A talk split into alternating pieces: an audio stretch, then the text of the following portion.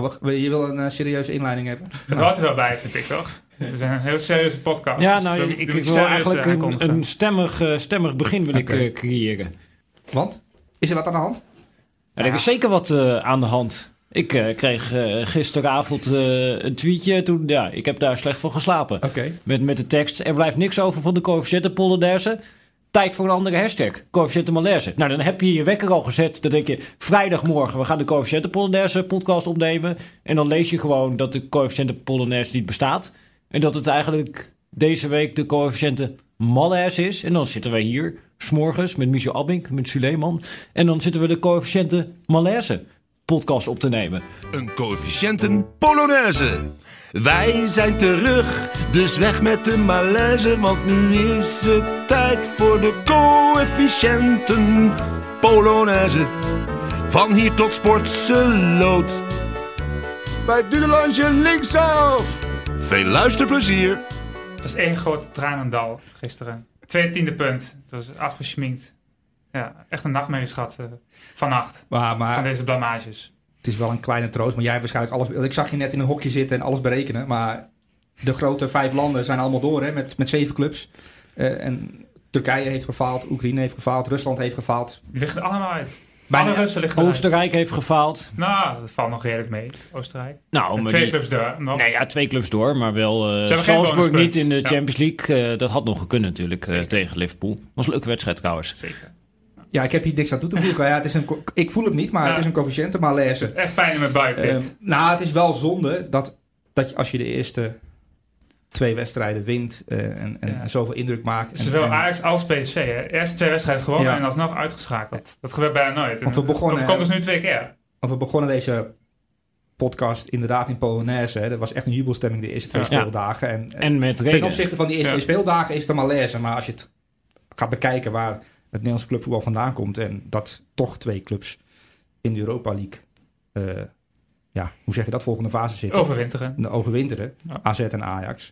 Eh, een Feyenoord nog bijna, ondanks wat ik gisteren gezien heb. Dat is toch, Ja, toch Ja. redelijk positief te noemen. Zeker. En ook PSV heeft nou ja, op zich nog wel een oké puntaantal gehad. Het is niet dat, ze, dat wat in het verleden ook al gebeurd is... dat eh, ze er met eh, nul punten uit zijn. Of Nou, het is eigenlijk op basis van één wedstrijd dat het misgegaan is. Dat is Lask. PSV uit tegen Linz. Uit. Ja, Dus daar- uit- daar is- Lissabon ook wel hoor. Ja, maar toen zaten ze al in 4-0 een diepe verlies, crisis. ja, en, natuurlijk. en Ja. Marco Mommel is bezig zijn elftal. Als je daar had gelijk gespeeld in Oostenrijk, dan was je al waarschijnlijk cadeau geweest. In plaats met 4-1 verliezen. Want wat er gisteren met PSV gebeurd is en die wedstrijd, hè, die 1-1, ja, je zag aan alles. Maar misschien gaan we het er nog over hebben. Want volgens mij zit er wel een lijn in deze podcast. Er zit uh, lijn, structuur, er zit van alles in deze Ja, podcast. dat Het is echt ongelooflijk. Ja, echt bizar. Goed over nagedacht hè. Ja. Nou, begin maar, want ik, eh, ik, ik, eh, ik heb er zin in. Ja, nou ja, eh, nog even kort het eh, concept eh, van deze podcast. We bespreken de prestaties eh, van Nederlandse teams eh, in Europa. Dus de vier teams die eh, actief zijn geweest eh, afgelopen week. Ook de laatste podcast van dit jaar, waarin we vier teams eh, kunnen gaan eh, bespreken. En dan eindigen we met, nou ja, de belangrijkste vraag der vragen. Wat betekent dit uiteindelijk eh, voor de coëfficiëntenranglijst? En ik wil het niet totaal spoileren, maar ik geloof dat ondanks alle malaise en ondanks al het slechte nieuws wat we deze week over ons heen hebben gekregen als Nederlandse voetballiefhebbers, dat het toch wel een beetje meevalt, toch Michel? Nou ja, we staan net nog steeds negende en Oekraïne die staat eh, onder ons. Die hebben ook een heel slechte week gehad en dat, geldt nog veel meer voor Turkije, de nummer 11. Dus eigenlijk, heel stiekem, is het gewoon een goede week geweest eigenlijk. Omdat, omdat onze concurrenten nog veel harder hebben gevallen dan wij de afgelopen maanden. Dus ik ben eigenlijk niet eens ontevreden met Nou ontwikkelingen. En we hebben natuurlijk een eh, structuur, Julie, je begon er net al over. Dan weet je, voordat we de wedstrijden gaan bespreken, dan is er eerst een blokje Oh, ga- gaan we vragen beantwoorden? een coëfficiënteninteractie. Oké, nou leuk. Ja, Onderschat fenomeen. Een ook onderschat. Ik Ja. ben er niet op voorbereid, maar uh, Nee, maar dat, de, dus zijn vragen van de mensen. Die, die moeten we beantwoorden. Zeker. En de eerste vraag, dat is... Nou, ik heb Michel Abik hier deze week wel... Nou ja, ik wil niet zeggen dat hij helemaal uit zijn element was... maar dat, hij zat er niet lekker in. Want eh, ja, er werden dingen bekend. Het woord van het jaar. Nou, dan denk je, coëfficiënt Ah. Polonaise zit erbij. En Thomas van Noord heeft daar een vraag over. Die zegt... Met de laatste drie speelrondes in het geheugen... had de Vandaalencommissie gelijk... om coëfficiënten Polonaise te weren van het woord van het jaarverkiezing. Omdat het om een tijdelijke hype ging. In tegenstelling tot de tijdloze plunderpuber, klimaatrammer en nul Rentoseen. Wat is dat laatste dan? Nul rent of zeen? Dat zijn toch geen woorden? Ja, Is ik er weet het niet, Michel. dus- Jij, jij hebt hierin verdiept. Nou, jij ik, bent, ik heb een eh, lijstje voor me, maar hier staan woorden tussen die zeggen van staltig slecht. Nou, dan zullen we even het lijstje... Stalguerrilla, vertuizen. Oh, rustig, rustig. Zullen we even rustig... Vertuizen, dat is een combinatie tussen verhuizen en thuiswonen of zo. Maar wat slaat het op? Ik heb het nog nergens gezien dit jaar. Ja, ik wil- En iedereen heeft het over de coëfficiëntenpolonaise. Ik wil niet heel vervelend doen, maar het woord klimaatdrammer, dat doet, jij bent een coëfficiëntendrammer. Ja. Stalguerilla, wat is een stalguerilla? In Nou, godsnaam. dat, dat is... Nou, dat- En windterreur, wat is windterreur? We hebben dat ooit gehoord dan ergens dit jaar. ja, als We zijn gewoon gepasseerd eigenlijk. als je de de ramen commissie. openzet en het waait hard, dan heb je windterreur. Dat is toch heel simpel? Maar dat is toch geen, geen mooi woord? Er zit helemaal niks in. Geen klankkleur, geen ritme. Ja. niks. Nee, nee. Nou, welke woorden zijn er nog meer eh, genomineerd, Michel? Eh, Want je zit er nu lekker in. Eh, ecopopulisme, Ecopop vind ik een mooi woord. eh bezorgschaamte, Nou, dat, dat speelt speel, steeds meer. Ik bedoel, kun je nog wel bestellen? stekkersubsidie, toetertrouwstoet. Een toetertrouwstoet. Ja, dat is een Turkse trouwstoet. Ik vind het echt ik vind het heel raar. Heb jij een, tukker, tra- een, Ja. een toeter... Oh, Ik- hoe heet het ik heb nou? wel eens in toeter, een, Een toetertrouwstoet. Heb je dat gehad eh, bij je huwelijk? Een Ja, ja, ik had ook een toeter trouwstoet. Dus ja, ik voel me wel een beetje... En dat was dit jaar toch? En dat was dit racistisch- jaar. Racistisch Ja. beledigd. Ja. Ja, ik vind het echt heel raar woorden zitten tussen. En welke woorden hebben we nog meer? Eh bruisregio. Nou, dat is eigenlijk onze coëfficiëntenregio, toch? Dat was, tot voor kort de coëfficiëntenregio. Diversiteitsverlof. Dat vind ik echt zo'n ambtenarenterm. Oh, dat kom ik voor in aanmerking. Ja, dat weet ik nog niet zo, zo, zo net, eh Julie. Diversiteitsverlof, dat is dus gewoon eh, mensen met een eh, vreemde naam of een kleur. Of, En dan hebben we de meeste eigenlijk wel die gehad. mogen dan... Zoals Sinterklaas hoeft alleen maar rond 5 december in het land te zijn. Kijk, zo zou ik wel een bepaald soort werkkalender willen hebben. Ja, ja. Dan kan alleen in eh, april werken, mei, als de finales op het programma staan. Als de echte, als de echte coëfficiënten Ja. worden verdeeld. Oké. Nou ja, ze we willen allemaal wel eens wat, toch? we willen allemaal alles wat. Maar divers- diversiteit eh, verder? Ja, die, eh, die ligt op koers om te winnen, denk ik zelfs. Oké. Oké. vo- En een foeigesprek. Een, een foeigesprek, wat is het in godsnaam? Nou, dat is als jij je niet heel goed gedragen hebt. eh, dan moet je, moet je verantwoorden bij iemand. En dan Ja. heb je een foeigesprek. ja, Oké. niet meer doen. Nou, ik mis dus echt coëfficiënten Polonaise. Dat is echt ja, doodzonde eigenlijk. Maar, die prijs, ik had er al stiekem op gerekend, hè. Om- ja, maar de, de winnen. vraag is... Wat zijn wel een keer woord van de dag geworden, geloof ik, toch? Ja, maar een dag heeft een jaar heeft 365 dagen. Dus de waarde daarvan vind ik niet heel 0,0. Dus daar heb je niet zoveel aan. Oké. Maar ik heb een hele analyse gelezen over eh, deze verkiezing. En rechtse woorden schijnen populair te zijn op het internet. En het is een internetverkiezing. Hè? Dus eh, Ja, maar- het woord klimaatdrammer, dat is echt Ja. een woord waar je heerlijk tegen kan afzetten. Ja, klopt. En, En is te links, hè, denk ik. Is te links, ja. Hè. Polonaise is, En- is te leuk, te lief. Ja, het is een te lief woord. Ja. Coëfficiëntenpot, dat is allemaal leuk. We gaan in de Polonaise, Ja. want we hebben gewonnen. En, en klimaatdrammer, daar kun je tegen ingaan. Dus, We hadden het dus- iets harder moeten dus, insteken eh, eigenlijk, hè. Je hebt dus gewoon een foute keuze gemaakt. Ja. Net, als... Volgend jaar beter. Ja, wat ga je voor meenemen voor volgend jaar? Eh, dat we een betere termen moeten verzinnen. Het, het, moet, het moet haalbaar zijn om in ieder geval bij de laatste 20 te komen, denk ik. Want dat is nu niet eens gehaald. Dat is een met, met onder andere een EK dat eraan zit te komen. Dan, dan zou ik wel verwachten dat jij wat termen weet te verzinnen. Waarmee je dan toch Nederland... Ja, verrast, maar ook waarschijnlijk Nederland. Je moet, je, moet- je moet ze ook een beetje boos maken. Ja, veel bozer dus dan eh, dit. Ja, Het was iets te lief, die term eigenlijk. Hè? Ja. We zijn te lief geweest. en misschien kun je wat eh, met de discussie eh, tussen Marco van Basten en eh, Kees Kwakman gisteren. misschien zit daar wel een term in. Hoe was het precies dan, Nou, Sully? de, een speler gaf een bal voor en de spits miste die bal. En toen vond Marco van Basten dat het eigenlijk toch als assist had gerekend moeten worden. Want die bal was zo goed, eigenlijk niet te missen. Het lag niet aan de assist. En het had een doelpunt moeten zijn, maar het was geen doelpunt, dus het was geen assist. Maar volgens Marco van Basten wel een assist. Die moet je gewoon bij optellen. Hij vindt dus ook de tijdschriften zoals Voetbal International. Eh, dan zie je bijvoorbeeld Hakim Ziyech 5 staan. Maar als Hakim Ziyech ook nog zes ballen heeft gegeven aan Promes en die zijn door Promes gemist, dan heeft Hakim Ziyech geen 5 assists, maar 11 assists. Dus dat is een taak aan jou. Jij houdt is dus- lastig te meten allemaal. Ja, maar Oeh. ga je wel bijhouden, want Marco Ja. van Basten wil dat. Als hij het wil, ga ik dat doen. Met alle liefde En natuurlijk. toen kwam Kees Kwakman eh, erin. En die begon over expected goals. En daarna over expected assists. En toen werd het leuk in de studio. Want En misschien even voor de luisteraars kort uitleggen wat het is. Expected goals Ja, en dat mag expected jij doen, eh, oh, dat ja. mag ik doen. Dat, dat weet jij heel goed, toch? Ja, nou, expected goals is eigenlijk gewoon een nou, ja, manier om de eeuwige kroegdiscussie... wie had de beste kansen te vatten in cijfers. nou, laten we het van- voorbeeld nemen. Mohamed Salah schiet een bal vanaf de parkeerplaats het doel in. Nou, expected goals, waarde. Ja, Nul. 0,01. Maar hij ging Ja. er toch in. En Ja. een, penalty, een penalty is 0,8 of 0,75. Eh, ja, dat is afhankelijk van hoeveel penalties erin gaan. Dus dat is gemiddeld, weet ik veel. Het verschilt ook een beetje van jaar tot jaar. Maar gemiddeld meestal ongeveer 80%.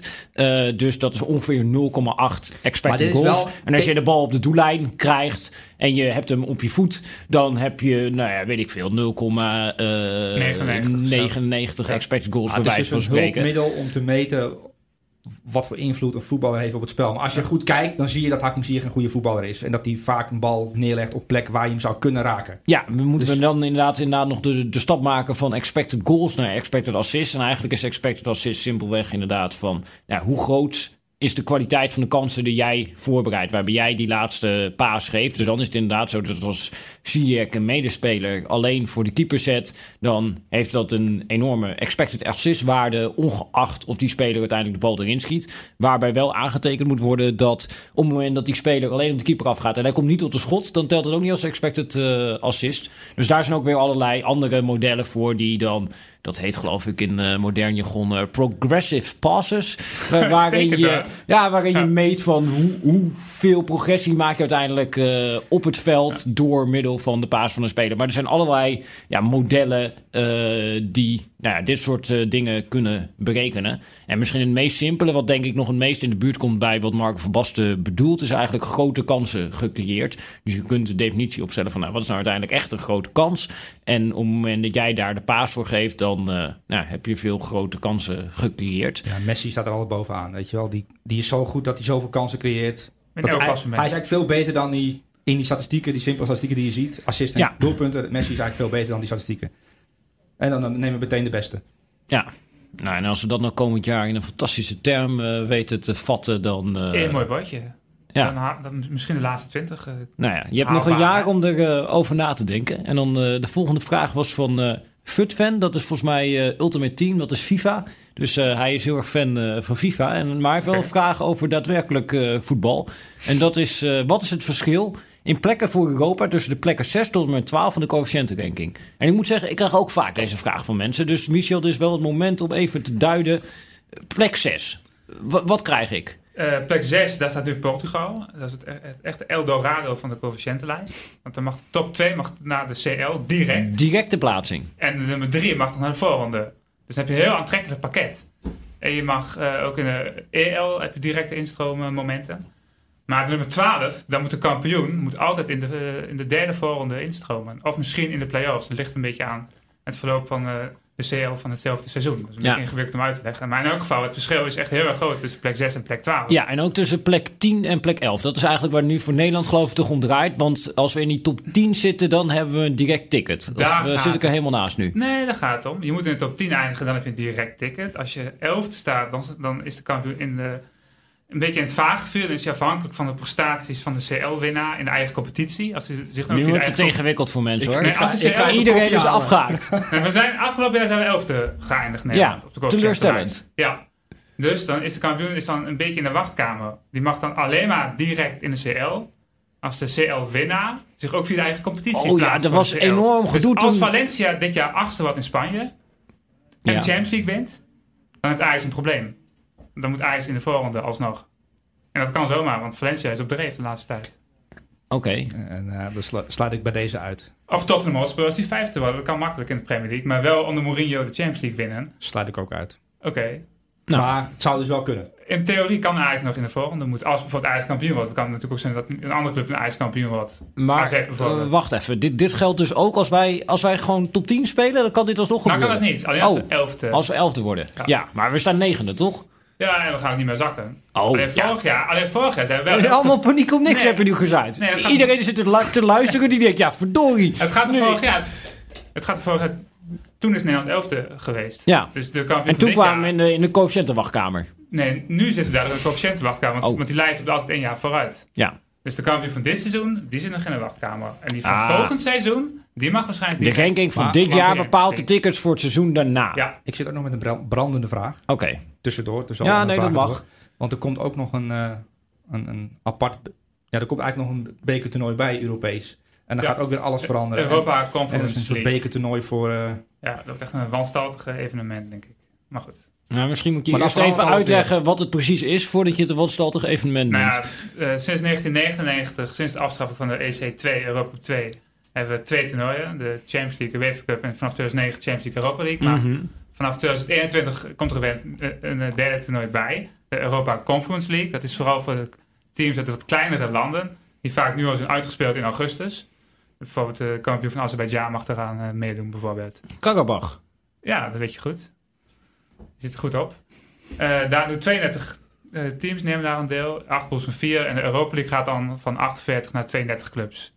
Evenals de CL dus. dus. Dus binnenkort over twee jaar heb je drie toernooien met elk 32 clubs. 8 pools van 4, et cetera, et cetera.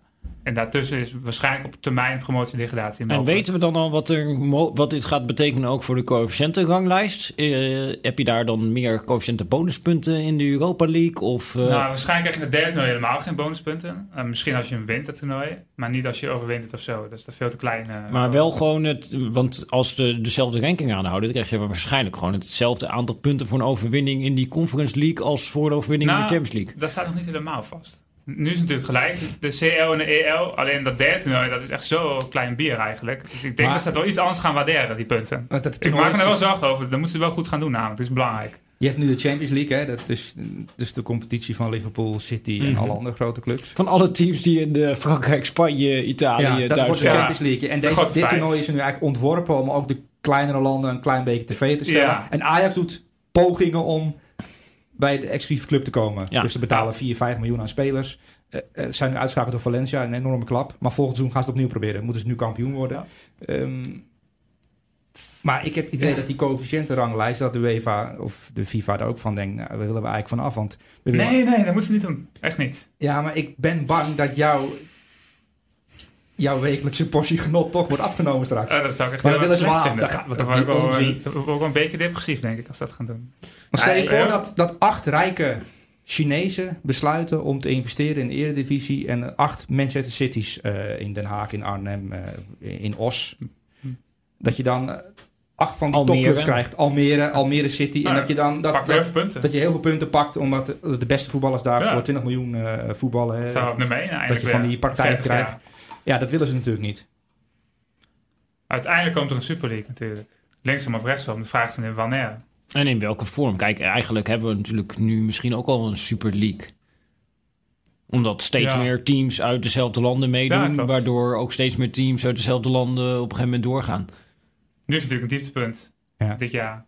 Maar ik, kijk, dat Ajax voor, vorig seizoen de finale van de Champions League net niet gehaald heeft op twee seconden na of zo. Het was toen al een soort van, eh oh wauw, dit is bijzonder, maar het werd Ja. toen niet echt zo Nee. ervaren. Het, het werd van, we gaan het volgend jaar nog een keer proberen. Nee. Toen Ja, dacht Nou, oké, ehm, dat kan misschien nog wel Nee. 40 jaar duren of het gaat nooit meer Of gebeuren. nooit. Ik denk Dus- nooit. Ja, maar ik heb vaker gedacht dat het nooit meer ging gebeuren. Toen is het toch weer... bedoel, Bijna nog een gebeurd. Is het, nee, ja. Europa League finale gehaald. Op de Ja. valreep de Champions League Maar finale dat is heel gehaald. anders, hè, Europa League dan Champions League. Ja. Eh, als je kijkt naar de teams die ze toen troffen, Schalke in de kwartfinale, Olympique Lyon in de halve finale, Legia in de 16e finale, Kopenhagen in de achtste finale. Dat is een heel ander parcours natuurlijk dan vorig jaar in de Champions Mhm. League. Dus dat is Maar wel een. Europese finale weer gehaald. Ja, oké. Dat kan eh, dit jaar ook natuurlijk. En straks met de nieuwe beker kan het eh, helemaal. Ja, dan wordt het een appeltje eitje als Ajax daar eh, in verzeild raakt natuurlijk. Dan moet je in de finale misschien tegen uh, Astana of zo. Ja. Succes. Ja. Dan heb ik nog een eh, vraag van eh Erwin Berends. Dat is een voetbalinhoudelijke vraag. Oh jee. Bij AZ werden bij de corners geen mensen bij de palen gezet. Dus haakjes met reden waarschijnlijk. Heb je statistisch gezien meer uit spelers die actief meedoen... of hebben ze wel degelijk nut bij de palen? Tussen haakjes, analisten vragen zich wel eens af waarom er niemand staat. Nou, een schitterende Ja. vraag, toch? Oud voetballers vragen zich dat af. Ja. Want vroeger zetten ze altijd mannetjes bij de palen. Palen en als het vroeger zo was, dan moet het nu ook gebeuren. Ja. En eigenlijk tegenwoordig, tenminste in de top, zie ik heel weinig dat er nog eh, spelers bij de palen staan. Eh, en nou ja, kun je statistisch bewijzen? Er is wel statistisch onderzoek hier naar gedaan, ook echt wetenschappelijk onderzoek. Wat is nou beter, zonderdekking of mandekking bij corners en waar moet je ze neerzetten? Eh, en dat is toch wel nou, heel erg lastig om eigenlijk daar hele significante resultaten uit te halen. Wat natuurlijk ook enorm afhangt van ja, de spelers die jij hebt. Ja, Stel dat- dat jij inderdaad fysiek gewoon allemaal gasten hebt van twee meter, ja, dan kun je wel mandekking doen. En stel dat jij inderdaad eh, Manchester City bent, ja, dan moet je misschien het vanuit de zone gaan oplossen, omdat je, in, je zelfs als je mandekking goed doet, dan verlies je uiteindelijk dat duel en dan heb je alsnog een uh. Maar ja, je hebt toch kleinere spelers en je doet als zonnedekking en dan, ja, dat, dat verstoort allemaal die resultaten. Maar waarom geen mensen bij de paal? Ja, als je twee mensen bij de paal zet, dan heb je er twee kwijt elders in het strafschopgebied. Uh, en het aantal keren dat ze daadwerkelijk kunnen ingrijpen, ja, is vrij minimaal. Ik bedoel, we zien toch ook al regelmatig dat dan iemand wel bij de paal staat en valt, valt hij alsnog ja. bij die paal binnen. Dus zelfs de momenten dat ze iets zouden kunnen doen, dan gaat het vaak alsnog mis.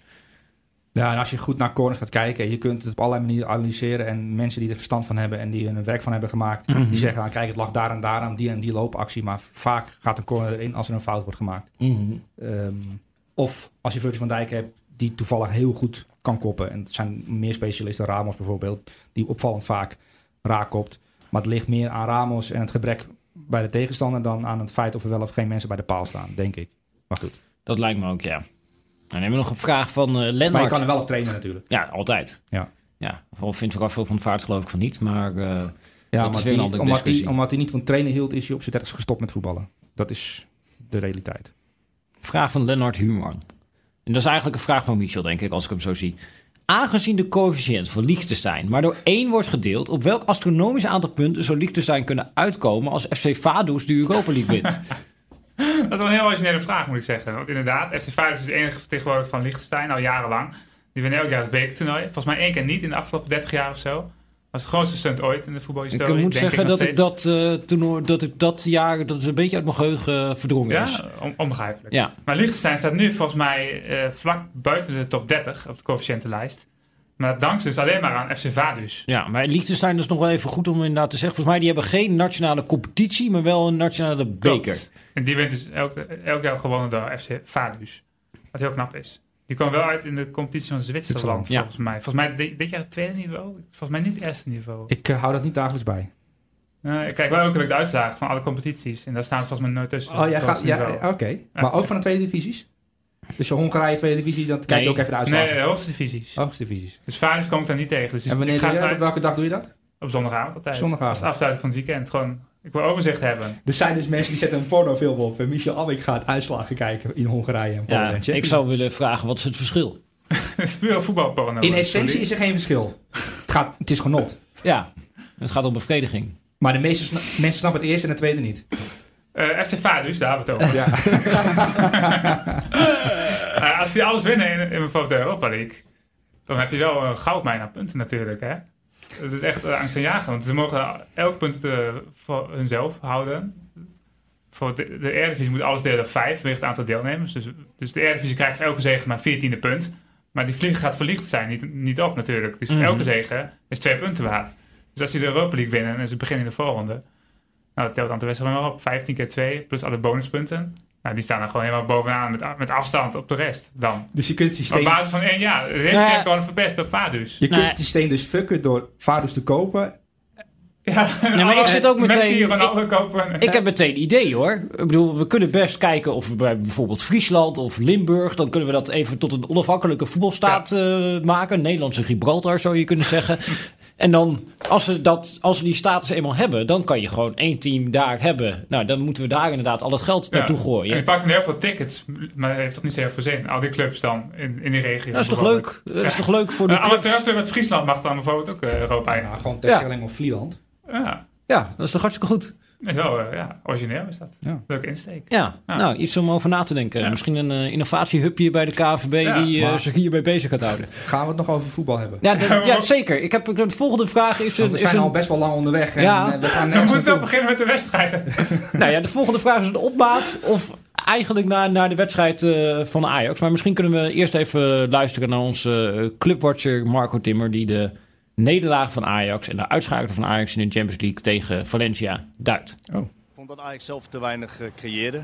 En eh, dat meet je af aan hoe Ajax eerder in deze Champions League campagne en vorig seizoen natuurlijk gevoetbald heeft. Ajax eh, ja, met alle kanonnen aan boord, hè, dus met Promessen, met Neres, Ziyech, Van der Beek, Tadic, dat combineert er zo vlot op los. voorin. Dat ze altijd eh, door combinatievoetbal tot heel veel kansen komen. Dat was tegen Valencia in eigen huis niet zo. Na de 1-0 van Valencia, eh, wat een aaneenschakeling van, van fouten was. Het begon met een uh, foute dribbel van Noah die door het midden ging en daarna ging alles mis. Daarna ging Valencia uh, achteroverleunen de tweede helft. En je proeft ook bij Deli Blind die we na afloop gesproken hebben van...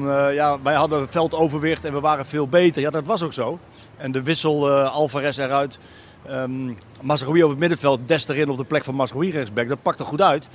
Maar het, het leidde niet tot heel veel grote kansen. Ten had het over vijf, zes kansen. Nou goed, het zou kunnen. Laten er drie zijn of vier. Maar er moet er wel één van in. Dat gebeurde niet. En ja, dat is toch wel een beetje zuur. Want als je kijkt naar die, eh, die Champions League campagne. Dan, uh, dan heeft Ajax gewoon eigenlijk fantastisch gedaan natuurlijk. Ja, Ajax.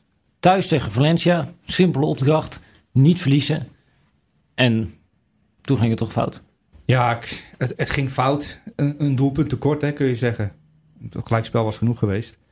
Um, ja, het heeft te maken met een verwachtingspatroon.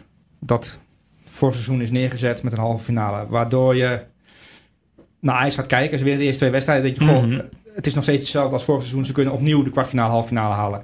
Um, Van Basten zei er gisteren ook iets over. Uh, die voorbeschouwing duurde namelijk anderhalf uur op, op die, die Europa League. Dus ging ook even over Ajax praten. En ja. zei, ja, het verschil is uh, op de plek van Matthijs Licht staat nu iemand. Joe Veldman. En op, ja. de, en op de plek van Frenkie de Jong staat nu iemand. Lisandro Martinez. Ja, maar eigenlijk Edson Alvarez, maar omgekeerd dan. Ja. Uh, en Lasse Schöne ontbreekt. Ja, met die twee waren ze waarschijnlijk naar vier wedstrijden al door geweest. Durf ik te zeggen. Zeker tegen dus deze teams. Heeft Ajax heeft een mindere pool eigenlijk qua tegenstand gehad dan in het jaar dat ze die halve finale haalden. Dat durf ik wel te zeggen. Maar het, ja, wel toch. Tegen Benfica. Dus waren ook niet op een nee, Benfica was niet top, maar nee. Bayern was wel beter dan uh, ja. dat. Nou, de nummer 4, kijk, Lille was natuurlijk wel iets beter ja, dan de nummer 4. Die is, uh, ja, AEK, uh, of AEK moest je geloof ik zeggen. Ja, die, die waren wat minder kwalitatief gezien. En Benfica was natuurlijk oké, okay, maar ze hadden nu eigenlijk geen echt enkele echte top tegenstander die er totaal bovenuit Nee, steekt. dat. Want Nou, Chelsea is ook een team in opbouw. Valencia is een team wat een heel rommelig seizoen Ja, eigenlijk eh, kent. Ja, en als je dan inderdaad als Ajax die Europese ambities hebt, dan was dit wel de pool om gewoon niet door te gaan. Maar het werd nu uitgelegd na de laatste wedstrijd. Omdat Neres en Promes ontbraken, heeft Ajax niet door kunnen stoten en niet kunnen overwinteren. Mhm. Maar als je gaat kijken naar die hele Champions League campagne van dit seizoen, die zes wedstrijden, het probleem middenveld. Hè, er, werd, er werd te veel mee geschoven. Hij vond zijn middenveld niet. Ja, dat middenveld is er niet, want er zijn spelers gekocht die niet voldoen in de ogen van Ten Hag. Ja, uiteindelijk vond hij het natuurlijk wel een beetje met Ziyech, Van der Beek en Martinez. Dat was eigenlijk vanaf die vierde wedstrijd. Bij die 4-1 voorsprong op een gegeven moment eh, tegen Chelsea. Omdat ze daarmee net nog meer creativiteit hadden op het middenveld met Ziyech. En ik denk dat tegelijkertijd van dat middenveld ook al en helemaal in Europees verband een soort van ja, probleem gecreëerd werd ook dat het altijd in de hoogste versnelling gaat. Ja. En dat maakte al die wedstrijden fantastisch om naar te kijken. Maar dat is ook heel erg gevaarlijk. Ja, want ook in de wedstrijd die ze wonnen, de eerste twee, gaven ze tegen Lille, kan ik me Ja. herinneren, heel Drie heel, veel. vier heel grote kansen. En Oshima was- had twee keer moeten scoren. En was het Onana die met een aantal reflexen eh, Ajax op de been hield. Dus als je het helemaal gaat bekijken, en, en ik ken niet de expected assists en expected goals. Ja, nou, De- de- de- die ratings- ik ken ze wel. Oh, jij kent ze wel? Ja, eh, het ding is dat Ajax in twee wedstrijden deze Champions League groepsfase meer expected goals heeft gehad dan de tegenstander. Dat was Lille thuis en dat was nipt. Eh, en dat was eh, de laatste wedstrijd, Valencia thuis. Eh, in alle andere wedstrijden had de tegenstander eh, meer en grotere kansen dan dat eh, Ajax had. Dus datatechnisch volledig terecht Ja, uitgeschakeld. dat is niet onverdiend als je zo Waarbij het wel zo is, en dat hebben we het ook volgens mij in deze podcast een keer besproken, dat Ajax in veel van die wedstrijden snel op voorsprong heeft, is gekomen. En dat dat natuurlijk ook wel weer iets doet voor het wedstrijdbeeld. Dus je kunt niet helemaal gewoon die cijfers pakken en dan de conclusie trekken van nou, Ajax is er terecht uit. Maar het wedstrijdbeeld in al die eerdere wedstrijden suggereerde al wel dat het minder goed was dan de uitslagen deden vermoeden dat het was. Nou, maar wat ik eigenlijk wil, wil zeggen is, hè, er is een soort van droombeeld gecreëerd. Dat is die halve finale en die finale die net niet gehaald is, met die spelers. En dan is het knap om een elftal te vernieuwen. Dat is, vak, dat, ja, dat is vakmanschap als je dat, Zeker. als je dat lukt. Zeker. Eh, AS Monaco bijvoorbeeld is het ook overkomen. Die zijn zeven, acht spelers Die is bijna kwijtgeraakt. gedegradeerd. Die zijn bijna gedegradeerd. Die zijn bijna gedegradeerd, maar die hebben wel... Ze dachten dat ze daar wisten hoe het werkte. Want die hebben toen nou, een blik spelers opengetrokken voor heel veel geld. En die, die hebben uit heel Europa de Ja. grootste talenten gehaald. En Ja. het werkte niet. Eh, bij Ajax, eh, ik denk ook dat Mark Overmars en de mensen die daarvoor het zeggen hebben in de scouting, eh, dachten, hé, Marco Marin, dat is de oplossing. Die gaat ons verder brengen. Want Marco kan... Marien, Rassel Marien. Ah, Velas, ja, Ras van Ja. Marin. Ja, Marco, waar kom ik aan Marco Marin? Die heb ik zien Is- spelen trouwens. Bij Ja. Rode Ster speelt hij. Ja. Maar het is Ras van Ja. Marin. Ja. Ehm, nou, En dat was eigenlijk ook de speler zeg maar, van de spelers die ze gekocht hebben, die qua spel eh, het meest lijkt op Ja. Frenkie de Jong. Hij was ja, extreem zo goed voor seizoen hoe, in België. hoe lastig het is om, om te vernieuwen. Ook al, ook al was het Frenkie de Jong niet geweest, maar een andere speler. Sieg, als die vertrekt, ja, die zal opgevangen moeten worden. Ja, misschien misschien sorry. vanuit de jeugd. Maar Noah Lang is geen Hakim Ziyech, bij wijze van spreken. Nee. Dus ja, ja, als je een topspeler verliest en hele, de top van Europa komt voor een van jouw spelers, dan weet je, die moet vervangen worden. Ja, feitelijk en zag je dat toch... is lastig. Ja, feitelijk zag je toch ook eigenlijk met waar het uiteindelijk dan ook op misgaat. Met die blessures voor Promes en Neres. Dat dan, ja, dat, dat valt weg. En dan moet je daar iets anders voor doen. En dan is het heel moeilijk om eenzelfde speler te hebben Ja. met dezelfde kwaliteiten. Waardoor die. Uiteindelijk, Ajax was ook natuurlijk een soort van puzzel. Daar had Ten Hag het natuurlijk ook altijd over. Een puzzel die op een gegeven moment vorig jaar in elkaar viel. Met die rol voor Frenkie de Jong. Want dat was altijd de vraag. Is er nou een middenvelder? Is het een verdediger? Waar moet hij nou staan? En er werd een soort van ecosysteem gecreëerd waarin hij fantastisch was. Je had De Licht en Blind die echt een centrum vormden, het hele team aancoachten. Waarbij Blind positioneel slim was. Waar De Licht ook echt man-on-man duels kon spelen. En Mascowie werd altijd elftal fantastisch. Tagliafico paste erbij. Lasse Schöne die had daarin zijn rol met zijn ervaring. En ook zeker voorin was het zo natuurlijk dat ja, Tadic die dan vaak wegbewoog uit de spits. Combineren met eh Sierk daar. Van der Beek die dan op die plek kwam in de spits die daardoor vrij kwam. En ook inderdaad die andere buitenspeler, Neres. En voor dit seizoen natuurlijk ook Promes, die dan in die spits opduiken. Die die diepte in hun spel hebben. En dan zie je dat als er één componentje daaruit wegvalt. Terwijl eigenlijk eerder ook al twee andere componenten zijn weggevallen. Namelijk die centrale verdediger die één op één kan verdedigen. En die middenvelder die van achteruit het spel vormgeeft. Ja, dan wordt het toch wel ja, lastig. En tegelijkertijd had het gewoon gekund tegen Het is Valencia. best knap als je Juventus en Real Madrid uitschakelt. Waanzinnig knap. Er was toen een sentiment, oh, dat, dat, ja, dat, is, ja, dat werd niet zo beleefd. Het was eigenlijk wel vrij normaal het Ajax het deed. Het was gewoon het- een wonder, was het, het, gewoon. het- ja, een regelrecht wonder. En het Ja. wordt steeds een groter wonder Het naarmate de tijd vordert. En eh, op basis daarvan, van het wonder, is wel beleid gevoerd. En ja, ik vraag me af of dat kan in de Eredivisie met een salaris van 4, 5 miljoen euro. Want dan moet je elk jaar Champions League halen. Eigenlijk moet je ook heel overwinteren, denk ik zelfs, in de Champions League. Om Dat te bedoel ik. Ja, tegelijk, ja. Je moet er wel voor gaan, toch? Ik bedoel, je wilt toch ook sportief die lat zo hoog leggen, helemaal met wat je weet dat eraan zit te komen. Kijk, het is heel makkelijk om met de kennis van nu te zeggen van, nou, dat hebben ze toen, Nee, nee, dat is toen niet, wat, dat is niet mijn insteek. Mijn, mijn vraag is, is dat verantwoord? In het geval van Ajax wel natuurlijk, omdat er zo'n grote financiële Ja. basis qua eigen vermogen op dit moment, dat je die keuze wel kan maken. Plus, eh, wat natuurlijk ook echt eh, meespeelt. Als je gaat kijken naar succesvolle teams eh, in Europa, dan is eigenlijk een van de grote voorspellers, eigenlijk je hebt twee grote voorspellers van succes. Eén is de uitgaven aan salarissen, wat Ja. veel beter voorspellend werkt dan de uitgaven aan transfersommen. En twee is eigenlijk hoe lang zit eh, de kern van het elftal bij elkaar. elkaar. Omdat als je een kern lang bij elkaar houdt, dan weet iedereen van elkaar wat ze gaan doen. En dan kun je ook moeilijke fases in wedstrijden overleven. En door eigenlijk met name de investeringen die Ajax natuurlijk heeft gedaan door de sterkhouders van vorig jaar langer vast te leggen tegen een hoger salaris. Dat is eigenlijk zeg maar volgens het boekje exact wat je had moeten doen. Ja, dat, dat, dat klopt. En ik weet dat het zo werkt. En ik weet ook dat het in een grote competitie zo werkt. Maar het is in een grotere competitie makkelijker om dat langer vol te houden. Ja. Want Nu na dit jaar ga je natuurlijk je- wel spelers krijgen. Want als je inderdaad nu weer ver was gekomen in de Champions League... dan had iedereen gedacht, oh ja, maar ik zit bij Ja. Ajax... en ik kan hier ook ver komen in de Champions League. Waarom zou ik naar het buitenland gaan? En misschien dat inderdaad nu die spelers allemaal denken van... nou, sterker nog, ik denk dat bijvoorbeeld Hakim Ziyech heeft voor Ajax gekozen. Ja. afgelopen zomer. Stel je voor dat Ajax afgelopen seizoen in de groepsfase was uitgeschakeld. Dan had hij afgelopen zomer niet voor Ajax gekozen. Omdat het een heel ander gevoel was geweest. Dus je moet dus wel het lang volhouden. En als je eh, 4, 5 miljoen betaalt en in de groepsfase wordt uitgeschakeld. ehm, ja, en het gaat er ook om welke spelers scout je. Je moet niet elke zomer met een Marine aankomen. Eh, en ik zeg niet dat Marine eh, goed of slecht is. Eh, hij past niet in dit Ajax op dit moment. Ehm, ja, dus het gaat, de grote vraag is eh, hoe, hoe het huiswerk wordt gedaan. Wie er in januari of eventueel in de zomer worden gehaald.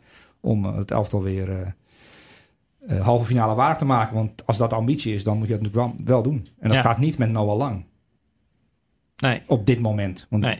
die, die moet daar langzaamaan ingroeien. Misschien heeft hij nog twee, drie jaar nodig om eh, het niveau te bereiken. Ja, Ja, dat zo ook Ten Hag zei in een interview met eh VI, ik denk een maand of twee geleden, zei hij inderdaad dit ook over die eigen jeugd. Ja, dat, dat Ajax wel bewust voor heeft gekozen. We, in alles moet de Champions League de norm zijn. Dus kan het niet zo zijn dat we allerlei jeugdspelers zomaar even laten doorstromen. Nee.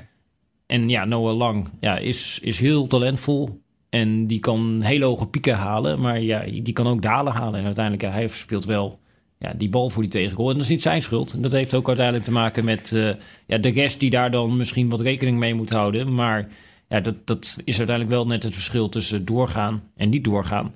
Wat ons brengt bij de vraag van eh Tieske, waarmee we hier eh, naartoe gingen werken. Eh, en die vraag is, eh, is de uitschakeling van Ajax wel zo'n kwalijke zaak... met het oog op het feit dat in de Europa League een winstpartij of gelijkspel... evenveel punten oplevert als in de Champions League? We hebben hier te maken met een luisteraar die goed op de hoogte is. En dan komt nog de vervolgstelling met in het achterhoofd het feit... dat er in de Europa League ook een knock-out ronde meer wordt gespeeld. Eh, dat is altijd de eeuwige discussie. Is het goed om eruit te gaan in de CL vanwege het parcours in de EL, dat het makkelijker zou zijn en dat je dan een extra ronde hebt? Nou, ik denk het persoonlijk niet. Het gaat om CL, dat is het meest prestigieuze toernooi. Maar Dat is sportief. Ja, En uiteindelijk qua coëfficiëntenpunten moet Ajax, om de uitschakeling tegen Valencia te compenseren, zou die, Ajax die, die volgende ronde had vijf coëfficiënte bonuspunten opgeleverd voor Gedeeld Nederland, gedeeld door de vijf teams. Dus er één vol. een vol coëfficiëntenpunt. Je moet het goed articuleren. Een vol coëfficiëntenpunt. Ja, en wat, nu- wat moet je halen om dat eh, ook eh, voor elkaar te krijgen in de Europa League? Eh, ik ga uit dat Ajax minimaal de kwartfinale moet halen om dat eh, te bereiken. Dus als Ajax bijvoorbeeld in, in de eerstvolgende ronde gelijk speelt en wint, en dan weer gelijk speelt en wint, en dan de kwartfinale haalt, dan is die schade van Valencia helemaal weggewerkt. Dan hebben ze zelfs overgecompenseerd, zeg maar. Oké.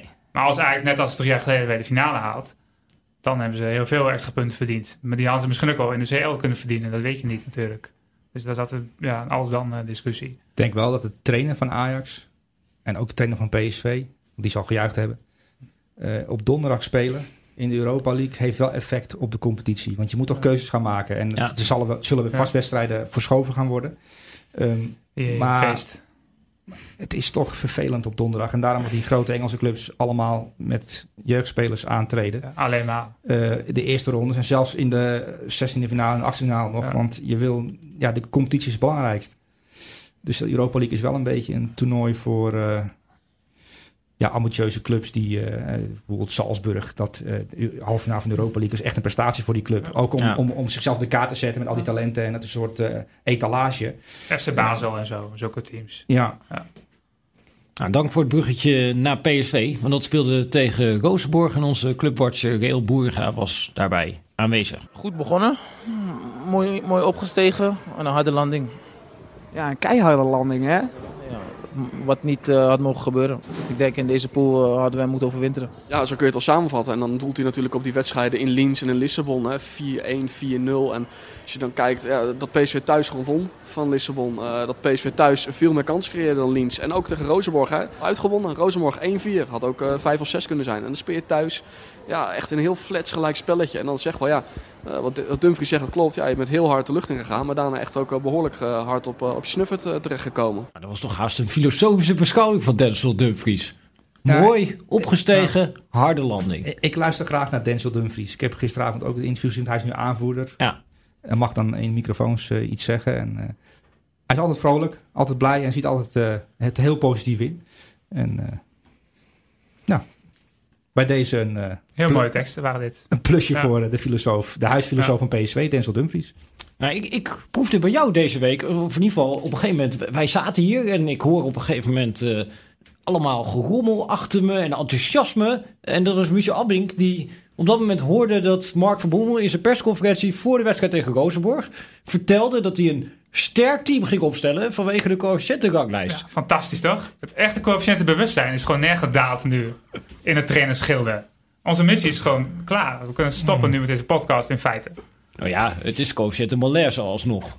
Eh, ja, PSV het lag niet aan Van Bommel dus. nee, PSV heeft 100% van het aantal punten van Nederland eh binnengehaald Gisteren, ja, eh, deze week. Gewoon één gelijk spel tegen Rozenborg. Prima gedaan. Ik Dat moet- betreft. 0,2 coëfficiëntenpunten Ja. is dat. Ik had wel het idee dat een aantal spelers van PSV, misschien op advies van de trainer of niet, rekening hield met Feyenoord en de wedstrijd van komend weekend. Want de intensiteit was wel Ja, die was minder dan normaal. En Ja. als je uitgeschakeld bent, ik begrijp het ook wel. Ik, had als, trainer, als ik trainer van PSV was, was geweest, had ik het tweede elftal opgesteld. Want wat, ja, maar die leuk, punten is wel belangrijk. leuk die punten, Ja. maar ehm, ja, Ja, maar ook als speler voel je dat natuurlijk op het veld. Ja, dat, het gaat niet echt ergens Als ik weet om, dat de deze podcast- is negatief. als ik weet dat deze podcast niet uitgezonden wordt, sta ik er toch anders in dan als ik weet dat die wel uitgezonden wordt. Ja, of als er een enorme Ja. negatieve spiraal eh, komen qua, qua luistercijfers. Mijn positie komt onder druk. dan, nou, dan ga ik me anders gedragen. Ja. Dan, eh, dus je, je bent er misschien bewust, misschien onbewust, toch ga je anders zo'n wedstrijd in. En nou, als je al uitgeschakeld bent, dat zie je ook bij alle andere wedstrijden, in alle andere pools. Ja, dan, je denkt, oh, die tackle, laat maar gaan. Ik trek even mijn been terug. Oh, ik, eh, Ja. weet je wel. Dus dat, dat Ja, zag je kan wel een het- beetje. En dan kan het alsnog leuk zijn, weet je wel. Stel dat je inderdaad Ja, het kan nog- redelijk snel op 1-0 komt... en dan vindt zo'n publiek, dat gaat er op een gegeven moment achter... en dan kun je ook in één keer een lekkere wedstrijd spelen. Want ook voor Rozenborg ging er nergens meer over natuurlijk. ja. En dan ja, kan zo'n wedstrijd anders lopen. Maar het was nu uiteindelijk, was het, eh, nou ja... Een oefenwedstrijd was het eigenlijk. Dat En, zag je ook eh, aan de wissels van Ja. Van, van Bommel, die, Ja. die, Ja. die zijn beste speler afhaalt in de rust. Met het oog op komend weekend en zo. En dat, ja, dat, dat neem je allemaal mee als speler. Als je het veld op gaat, denk je, oh, hij gaat eraf. Nou, lekker, eh, lekker belangrijk deze wedstrijd. Ik eh, doe het rustig aan. En, want, want zondag telt echt.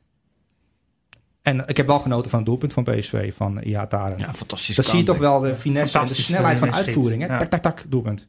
Ja, Heel zo- snel. Maar dit, dit voelde voor mij ook weer een beetje, zeg maar, als het PSV van die eerste paar wedstrijden dat mooi het opstijgen was. Dat, dat inderdaad in die Je neemt organisatie... gewoon de woorden van, eh Ja. van Dumfries over. Ja, natuurlijk. Ja, terecht. Het is zo mooi, dit Ja. moet ik blijven herhalen. Nee, maar gewoon in die organisatie bal winnen en dan inderdaad heel snel tussen de linies Iataren zoeken, diepte bij Cody Gakpo, allemaal lopende mensen en dan uiteindelijk dat afwerken. Dat was toch ja, die, Wat die wel- lancering wat PSV wel kon brengen. En eigenlijk, nou ja, als we terugkijken denk ik op deze campagne, is het allemaal een beetje fout gegaan. Last Liens. Ja, maar ik, ik wil... Ik, ik, Ook thuis tegen Las Ik heb AZ gezien tegen Manchester United, ook gisteravond natuurlijk, maar daar gaan we komen zo op. Maar als je dat twee naast elkaar zou spelen, niet na, eh, tegen eh, hetzelfde tijdstip, maar na elkaar. Ehm, bij AZ zie je echt heel duidelijk, oh AZ voetbalt. Ook welk shirt ze ook aan hebben, je ziet duidelijk, oh dit is AZ. Ook al staan de namen niet op de rug, of hun namen niet eh, op de rug. Bij PSV ontbreekt dat een beetje. Er zit heel weinig voetbal in, in PSV. Dat, was, dat viel me gisteravond ook weer op. Dat je denkt, hé, wat is eigenlijk de bedoeling? De bal gaat van wie naar wie en waar is op getraind?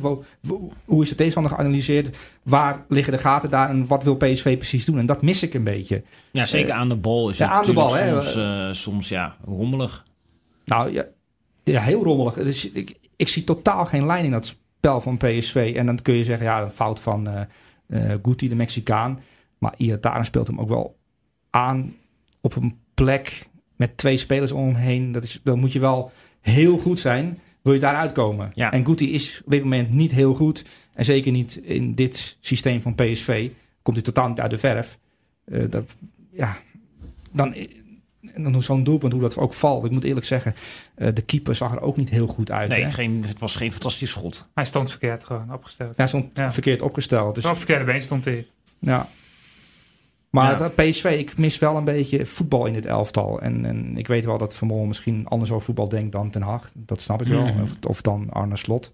Ehm, maar er zit echt weinig voetbal in. En dan kun je wel zeggen, ja, ik eh, miste toen Malen en Bergwijn. Maar ook zonder Malen en Bergwijn moet je wel een basis hebben om op terug te vallen. En die mis ik bij PSV een beetje. Maar misschien dat jullie er anders over denken.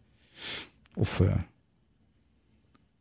Het dus is duidelijk ben dat ik te kritisch nu. Nou ja, het is duidelijk dat PSV daarnaar op zoek is. En dat, nou ja, dat is natuurlijk ook de reden dat eh, nu Ryan Thomas op een van die twee controleursposities komt. Dat die controleurs in balbezit in de laatste paar wedstrijden wat meer vrijheid krijgen. Ook om eh, soms tussen die centrale verdedigers te bewegen. En wat meer uit positie te komen. Ja, tegelijkertijd, ja, dat, dat ben je dan nu midden in het seizoen aan het veranderen. Je hebt helemaal geen tijd om dat eh, te trainen. Dus dat is ook wel nou ja, lastig. En eigenlijk alles was inderdaad ingericht op... we hebben de structuur dat nou, die achterste zes... die zorgen dat we die organisatie hebben staan. En dan zoeken die voorste vier het uit. Die mogen heel veel door elkaar bewegen. En dat werkte natuurlijk gewoon best wel een fase fantastisch goed voor PSV. Daardoor ook was het spel aan de bal eigenlijk beter... dan dat het het vorig seizoen was. Ja. Alleen je ziet dat zodra inderdaad die spelers dan wegvallen, daarbij die voorste vier, dat het dan heel moeilijk is om dat te vervangen. Ook omdat er van de achterste zes wat dat betreft heel weinig initiatief komt. Maar jij, wat jij nu zegt, dat, dat klopt. Hè? Maar dan hoef je eigenlijk ook maar vier spelers in de gaten te houden als tegenstander. Ja. Eh, want de rest doet niet echt mee en die zijn redelijk makkelijk te verdedigen. Dus dan kunnen ook ploegen uit Noorwegen en- uit Oostenrijk eh, het vrij makkelijk neerzetten tegen PSV. Dat PSV niet eens meer aan voetbal toe komt. Want die, die voorste vier of voorste drie, die worden niet bereikt. Ja, dat is wel armoedig. Daar moet je wel iets tegenover zetten. Ik heb ook Salzburg tegen Liverpool gezien. Nou, ik, ik heb, bij Salzburg zit een echt een idee, maar is al jaren natuurlijk. Ja. Ehm, maar als een nu, club eh, als Jesse Salzburg dit kan, coach. als een club als Salzburg dit kan, dan moet een club als PSV ook een eigen smoel kunnen ontwikkelen. En Mhm. dat mis ik een beetje. Dus ja, je zit toch naar een trainer te kijken die op zoek is naar een ploeg die die waarschijnlijk nooit gaat vinden op deze manier. Want het is gewoon poppetjes verschuiven. Rosario er weer in, dan Guti erin. En eh, er, er gebeurt weinig. Ja, en tegelijkertijd is het misschien tot op zekere hoogte ook wel een beetje een Nederlandse manier van kijken om inderdaad heel erg te focussen op dat gedeelte in balbezit. En nou, dat, dat is inderdaad, zeg maar, het, het ziet er nog minder leuk uit dan dat het goed is, als je begrijpt eh, Ja. wat ik eh, bedoel. Dus het is inderdaad wat traag en voorspelbaar, dus het is niet lekker om naar te kijken. Dus ja, dat, dat speelt ook nog mee qua stijl. Terwijl, nou, als je pakken beet, eh, en dat, die vergelijking gaat niet helemaal op, omdat PSV ook een fase van seizoen heeft gehad waarin ze verdedigend zeker niet zo stabiel waren. Maar als je Atletico Madrid pakt, ja, aan de bal is dat ook al jaren niet om aan te gluren. Nee, je moet niet in het weekend vrijwillig naar Atletico gaan kijken. Want dan krijg je gewoon niks voorgeschoteld. Want dat, dat doen ze gewoon. Dat doen ze niet aan aan voetballen. Zij verdedigen. En als ze in de 16 van de tegenstander komen, hopen ze dat ze een doelpunt maken. En als ze het niet, als ze niet maken, is 0-0 ook prima. Alleen het gaat. Ja, de tegenstanders weten dat ook allemaal nu, na negen jaar. Dus het wordt ook minder. En dan moet je wel echt heel goede spelers voorin hebben. Wil je dat kunnen compenseren? Want Atletico, eh, het is wel verdedigend ijzersterk. En heel veel coaches in de rest van Europa hebben hun verdedigende principes gebaseerd op wat Simeone heeft gedaan met Atletico. Dus dat is, wordt allemaal gekopieerd. Alleen ja, het is wel heel erg verdedigend. En PSV is daar een hele slechte kopie van. Oké. Nou, dat is dan de slotsom eh, van dit eh Europa League seizoen. En dan kunnen we door naar eh, AZ. Dat er met 4-0 afging tegen Manchester United. En Ondertussen gaat de Mark van telefoon. Bol. Ze hebben meegeluisterd. Ja, niet eens met de coëfficiënte conclusies. Hij heeft alweer opgehangen. Hij heeft alweer opgehangen. Nou, dat, dat, dat scheelt. En dan kunnen we naar eh, Simon Zwartkahuis gaan luisteren over eh, AZ tegen Manchester United. 4-0 eraf op Old Trafford. AZ kwam eh, onbeschroomd voor de dag op, op Old Trafford. Eigenlijk zoals ze ook naar die wedstrijd hadden toegeleefd. Hè. Ze wilden echt hun eigen spel gaan spelen. En eh, de vorm doortrekken die ze al maanden in Nederland en ook in Europa laten zien. En eh, dat gold eigenlijk voor iedereen. Alleen voorin eh misten ze de stootkrachten om, het, eh, om dat ook eh, in, in goals om te zetten. Een eh, kans voor Dani de Wit en, eh, en een schietkans voor Stenks vlak voor rust. En daar bleef het een beetje bij. En met Dani de Wit hebben we ook meteen een opvallende keuze van Arne Slot genoemd. Hè, die geschorste Myron Bo Boadou verving. En ja, die nou niet kan bogen op, op statistieken waar een paard de hik van krijgt. Die in 22 officiële duels, twee goals en twee assists. En eh, ja, die moest het in, eh, in een wisselwerking met Stenks daarvoor in gaan doen. En eh, ja, die, op zijn inzet is nooit wat aan te merken. Maar eh, ja, zijn rendement is, is laag en dat bleek ook vandaag weer. Dani de Wit. Geen statistieken waar een paard de hik van krijgt. Nee. Nou, ik vind het wel zielig voor Ferdy Druif. Die, zijn, ja, die had heel uit geesten laten invliegen. om- Sterker, hij heeft er in zijn eentje eigenlijk voor gezorgd. Ja, in ieder geval nou ja, dat, dat ze inderdaad Ja. ontsnapt zijn tegen Antwerpen. En dan ook in die vorige Ja. speelronde ontsnapt zijn. Anders waren ze al lang uitgeschakeld. Boadou geschorst. Die jongen die denkt, nu mag ik gaan spelen op Old Trafford. En dan, eh, ja. Heel zuur dit. Ik moet eerlijk zeggen, ehm, ik heb genoten van AZ de eerste helft. En ik- op Old Trafford, eh, wel een beetje reclame voor Arne Slot zelf. Want ik, ik vraag me dus af in hoeverre hij dacht, oké, het is ook mijn moment. Ik ben trainer van AZ, Arne Slot. Ik stel gewoon mijn beste jongens op. We spelen tegen Ajax. Tegen Maakt Ajax. niet uit. Oh, je Ja, drie weekend, dagen. ja. Over drie Ja. dagen, maar dat maakt niet uit. Het is nu mijn moment eh, in Engeland. Ik maak reclame voor mezelf en ik zet het zo neer. En ook nog de uitleg van Dani de Wit, die kan uit de spits komen, die twee erin, weet je wel. Dat is goed, dat snap ik. Er zit een gedachte achter. Ehm, Maar je gaat er alsnog met 4-0 af. Dus het is eigenlijk een wedstrijd voor helemaal niets geweest. Ja, maar tegelijkertijd, dit is natuurlijk wel de variant die zij ook gedaan hebben tegen Feyenoord. Die topper die is nu natuurlijk binnen en in de topper tegen PSV. De Sugawara variant eh, noem ik Ja. hem zelf eh, graag. Omdat dat eh, gewoon een schitterende naam is om een variant aan te vernoemen. Maar met ja, hem op de rechterkant, waardoor je verdediger net wat meer stabiliteit hebt daar. En dan Stenks op 10. Zodat je die creativiteit op het middenveld hebt. Alleen, ja, wat ze misten denk ik ten opzichte van die variant normaal gesproken... is inderdaad Margun Boadu die die diepgang heeft. En die, nou, Stenks krijgt op een gegeven moment een kans. Ik denk dat Boadu die wel gemaakt had. Ja. Vlak naar rust. En daarna ging het helemaal mis. Toen ging ze als, als rijpe appelen eh, gingen ze erin. Want Ja, de maar ook- stond het prima hoor, bij AZ. Het is ook weer een wedstrijd waarin United redelijk ontspannen kan voetballen. Want ze weten al dat ze door zijn. Het, het hoeft niet zo heel erg. Eh, en ze hebben talenten in het veld staan. En Mason Greenwood, eerste helft slecht. Maar de tweede helft laat hij wel zien waarom hij een van de grootste talenten is in Engeland. Want dat is hij. En eh, ja, die rond dan twee keer heel knap af. Heel kort, heel kort, heel kort schieten. Ja, het begint natuurlijk met die mooie actie ook van eh Andreas Pereira was Ja. geloof ik eh, Ja, die was op de achterlijn. ja.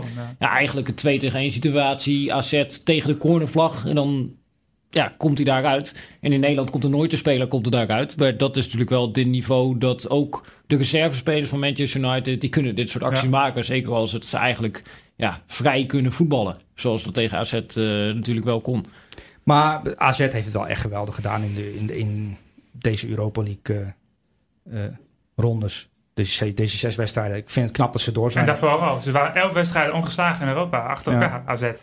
Dat is echt gigantisch. En ze hebben op een bepaalde manier toch indruk gemaakt. Want je zag heel duidelijk eh, waar ze op trainen. Eh, dat zag je terug in het veld. Dat zie je al maanden terug. En ze staan ook heel knap tweede in de Eredivisie. Willen het zondag Ajax lastig gaan maken. Ehm, maar toch ehm, had ik als trainer misschien gedacht... eh, we zijn al door en de kans dat we hier winnen is niet zo groot. Ehm, ja, misschien spelers rust geven die rust nodig hebben. Want je Ja, moet- maar wi- willen die Ja. spelers rust hebben tegen Manchester United? Hoe vaak als jij Maar bij wil je kampioen speelt... worden, ja of nee? Dat is de vraag. Je moet het als trainer ook een beetje inkleden. eh, denk ik. Maar is het juist niet goed voor dit team? Kijk, stel dat je inderdaad met 4-0 verloren had en je had het met de B-team gedaan. Ga je dan lekker naar... eh, Maar je speelt tegen het tweede toe. van Manchester, hè? niet tegen het eerste. Ook al is het Old Trafford, het is een mooi stadion. Ehm, ja, Als toch gewoon, tenminste, ik heb eh, de- dit jaar ook nog wel een interview gelezen met Mietje, die het inderdaad had ook over de fitheid eh, van AZ en dat ze het iedere drie dagen wel weer kunnen opbrengen. En nou ja, als jij inschat als trainer van nou, ze zijn misschien eh, fit en ze kunnen gewoon weer dit opbrengen straks ook tegen Ajax, dan ja, is het misschien wel de meest logische keuze om niet je hele elftal door de war te gooien en daarmee ook weer juist die automatisme wat je sterk maakt eruit te halen. Ja dat is, dat, dit, dat- je kunt alles op een bepaalde manier uitleggen. En het hangt er precies vanaf wat En de zondag gebeurt. ja, en hoe het uitgelegd gaat worden. Als Ja, dan nee, ja, verliezen, dan Ja. weet je de verhaal houden Maar de keuzes, ja, die zijn redelijk beperkt. Maar ik had me wel kunnen voorstellen dat je inderdaad misschien... eh van Oude Jan, die was toch gewoon fit, denk ik? Ja, dat heb ik niet wel. op mijn netvlies Volgens mij wel. Ik Nee, maar die, gelezen, die dus- had je bij wijze van spreken prima kunnen neerzetten op de plek van Wijndal. Dat maakt ook niet heel veel uit. Die jongen heeft ook niet heel veel gespeeld dit seizoen. Inderdaad, Ferdy Druif. Ja, als hij dan zo belangrijk is geweest, ja, misschien kan die ook wel spelen. Nou, dan kan Sukawara, die kan inderdaad spelen. Kun je Dani de Wit, kun je misschien eh, wat rust geven. Want die jongen die loopt zoveel, dat kan denk ik geen kwaad om hem een keertje eh, rust eh, te geven. Ja, en achterin had je natuurlijk sowieso geen keuze. Want je speelt daar nog steeds eh, met eh Jordi Klaasie naast Stijn ja. Dus je hebt eigenlijk geen alternatieven op die posities. Eh, en ook die posities daarvoor, omdat Klaasie, die heb je nu dan nodig achterin. En dan heb je ook op die twee posities daarvoor al geen opties meer.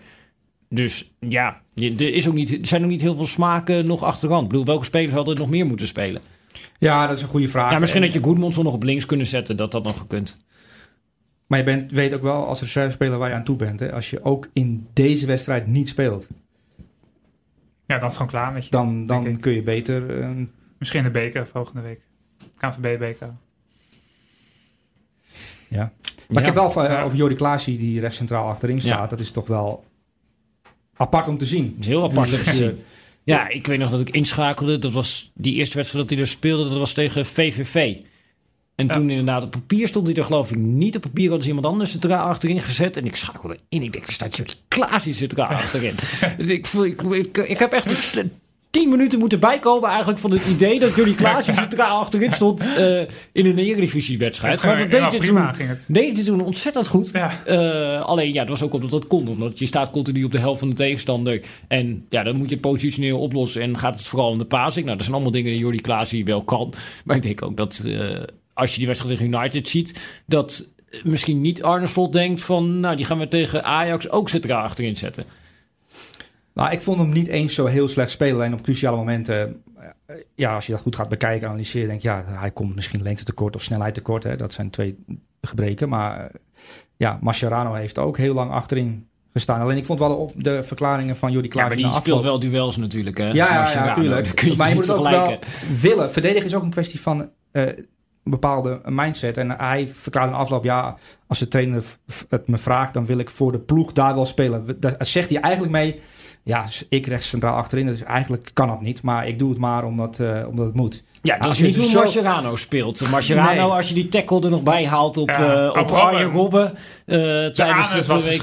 Dat, eh, Ja, nee, dat, dat, dat, Ja, dat, dat is even iets anders. Hè? Dat is even iets anders. De bereidheid om zijn anus te scheuren, die onder- Jordi ja, Klaas. ze wordt onderschat, die bereidheid. Ja, die bereidheid wordt, wordt Ook hier op de redactie misschien wel. Ja, ja, ja, ja. Er zijn weinig gewoon. mensen Ja. die bereid zijn hun anus te scheuren. Toen de ik vanmorgen opstond, had ik niet het idee dat ik in dit gesprek terecht zou komen. Maar via Jordi Klaasje zijn we er toch, eh toch eh aanbeland. Dit kan ook wel gewoon in de kop, hè? De bereidheid om je Ja. anus te scheuren. Dat, Alles dat levert Tuurlijk. punten op. Ja. Dat levert En kijkcijfers. Of luistercijfers, beter. Nee, maar dat is wel een, een, een, een, een onderschatte kwaliteit eh, op sommige plekken op het veld. De bereidheid om je anus te scheuren. Ja, dan kun je lachen, Michel. Ja. Maar ik bedoel, Mascherano. Mascherano is er vrij ver mee gekomen. Sterker nog, hij Ja. nog steeds. Ja. Ja. Nou ja, AZ was al door in de Europa League. PSV kon niet meer door in de Europa Je League. praat er gewoon overheen, hè? Ja, Ik praat- ja. onderwerp. Ja. Ja. Hij staat hier ver boven. En, eh, Nou ja, en we zijn al meer dan een uur bezig. Je Oh, moet de oh mensen ja. toch ook niet eh, aandoen dat we hier eh 3,5 uur zitten te praten over de coëfficiëntenbalaise. Dan hou je mensen ook een beetje in een winterdepressie. En dat Ja. wil ik ook niet eh op mijn geweten hebben. Dus daarom dacht ik, ik praat toe naar het enige team dat het nog kon halen. Waar het echt om ging. eh, uit tegen Porto, Ja. Feyenoord. En eh, Martijn Krabbedam eh, die bespreekt die wedstrijd. Die uiteindelijk een eh, spectaculaire 3-2 overwinning voor FC Porto opleverde. Als je zelf drie doelpunten weggeeft en de kansen die je krijgt benut je niet, ja, dan wordt het op voorhand een, eh, een lastige avond. Dat is exact wat Feyenoord is overkomen, zeker in die eerste helft natuurlijk. Vrij snel 2-0 achter door, eh, door gewoon fouten. En dan kom je knap terug tot, eh, tot 2-2. En dan zorg je eigenlijk ook weer zelf voor dat, dat het 3-2 nog wordt. Ja. Dan is het, is het lastig voetballen, maar je moet altijd verder kijken dan het, eh, dan het resultaat. En ik denk dat advocaat teleurgesteld is in de uitslag. Maar je probeert natuurlijk altijd als trainer wel wat uit een wedstrijd te halen. En ik denk dat advocaat toch wel momenten heeft gezien eh, waar, waar hij eh, mee, mee, mee verder kan. Natuurlijk ook zat, eh, zat momenten dat het niet goed ging. Uh, Feyenoord stond natuurlijk uh, de verdediger de laatste tijd best aardig. En daar, was vandaag dan zeker uh, voor dus weinig van, van terug te zien. Maar dus ging dat wel beter. Maar de manier waarop ze hebben gespeeld, grote fases van de wedstrijden uit bij Porto. Onder lastige omstandigheden. Nou ja, dat is dan uh, wel iets om positief over te zijn. Heel rare wedstrijd uh, eigenlijk van Feyenoord. Dat je met 3-2 eraf gaat en dat je toch wel... Eigenlijk vooraf dacht je, nou, dit, dit is bijna onmogelijk. En je komt toch achteraf met een soort van gevoel eruit van... Goh, als je die goals toch niet zo ontzettend makkelijk ja. weggeeft... want die geven ze ontzettend makkelijk weg... dan had je hier gewoon tegen dit Porto... wat om mij eigenlijk een hele zwakke indruk maakte... had je gewoon weer een resultaat kunnen boeken. Nou, als je de fouten wegdenkt of niet gezien hebt... en de rest wel hebt gezien... denk ik dat Feyenoord een wereldpartij heeft gespeeld. In Porto, denk je, in, echt indrukwekkend. Genoten ja, van Larsson, die vond ik echt fantastisch. Ja, Eigenlijk precies. Nou, we, we, hebben advocaat gehoord over Liverpool voetbal. Waar die zei, nou, je moet niet de kwaliteit verwachten, maar wel dat idee. En dat was wel wat je daar zag. Dus die buitenspelers, hup, naar binnen toe. Back eroverheen, teruggetrokken, ja. voorzet, binnenschieten. Fantastische goal. Echt een hele mooie goal. Een van de mooie goals. goal was dit. Ja, ja. precies. Dit is echt, uh, dat echt mooi. En dan ja, denk je, jeetje. Ja. Maar als je die goals allemaal gaat terugkijken... het deed me wel ook een beetje denken ja. aan PSV bij Sporting. Dat het allemaal zo makkelijk gaat. Ja, maar als je gaat... Het is nu uit bij Porto, die twee doelpunten... die eerste twee van Porto, dat kan nee. eigenlijk niet. Maar je, je, hebt bij Feyenoord dit seizoen ook in de Europa League doelpunten gezien... met, uh, met, met ballen die gewoon gevangen worden bij, uh, bij hoekstoppen. Ja. Weet je wel. Dat de is, meest onnodige uitschakeling ooit, uh, denk ik, van Feyenoord in Europa. Maar als je gaat kijken ja, op, op een gegeven moment, ik, ik heb zat AZ en, eh, en, en, en Feyenoord waren tegelijk Mhm. natuurlijk. Dus Ja. ik heb twee schermen te kijken. Op een gegeven moment ga je toch meer naar Feyenoord toe. Eh, omdat dat is vrij hoge intensiteit. Ik vond het echt een wedstrijd. Ja. En Feyenoord deed echt zijn best om, eh, om, om van Porto te winnen. En als Narsing Zo, de bal, de kans die hij 3-3. krijgt, als Zo. hij die Ja, binnenschiet, een wordt het heel chaotisch als de laatste 10 kwartier minuten. En dan, dan zou het zomaar gebeuren dat die bal per ongeluk een keer goed valt. En dan win je daar nog met 4-3. Want zo slecht was Porto. Ehm, ja, die eerste goals, ja, dan kun je al van, het is heel makkelijk na afloop. Ja, dat mag niet gebeuren. Ja, het is onverklaarbaar dat het gebeurt. Dat een speler die niet onder druk wordt gezet, een bal in zijn eigen doel schiet. Het is gewoon eh, geen de concentra- een concentratieprobleem.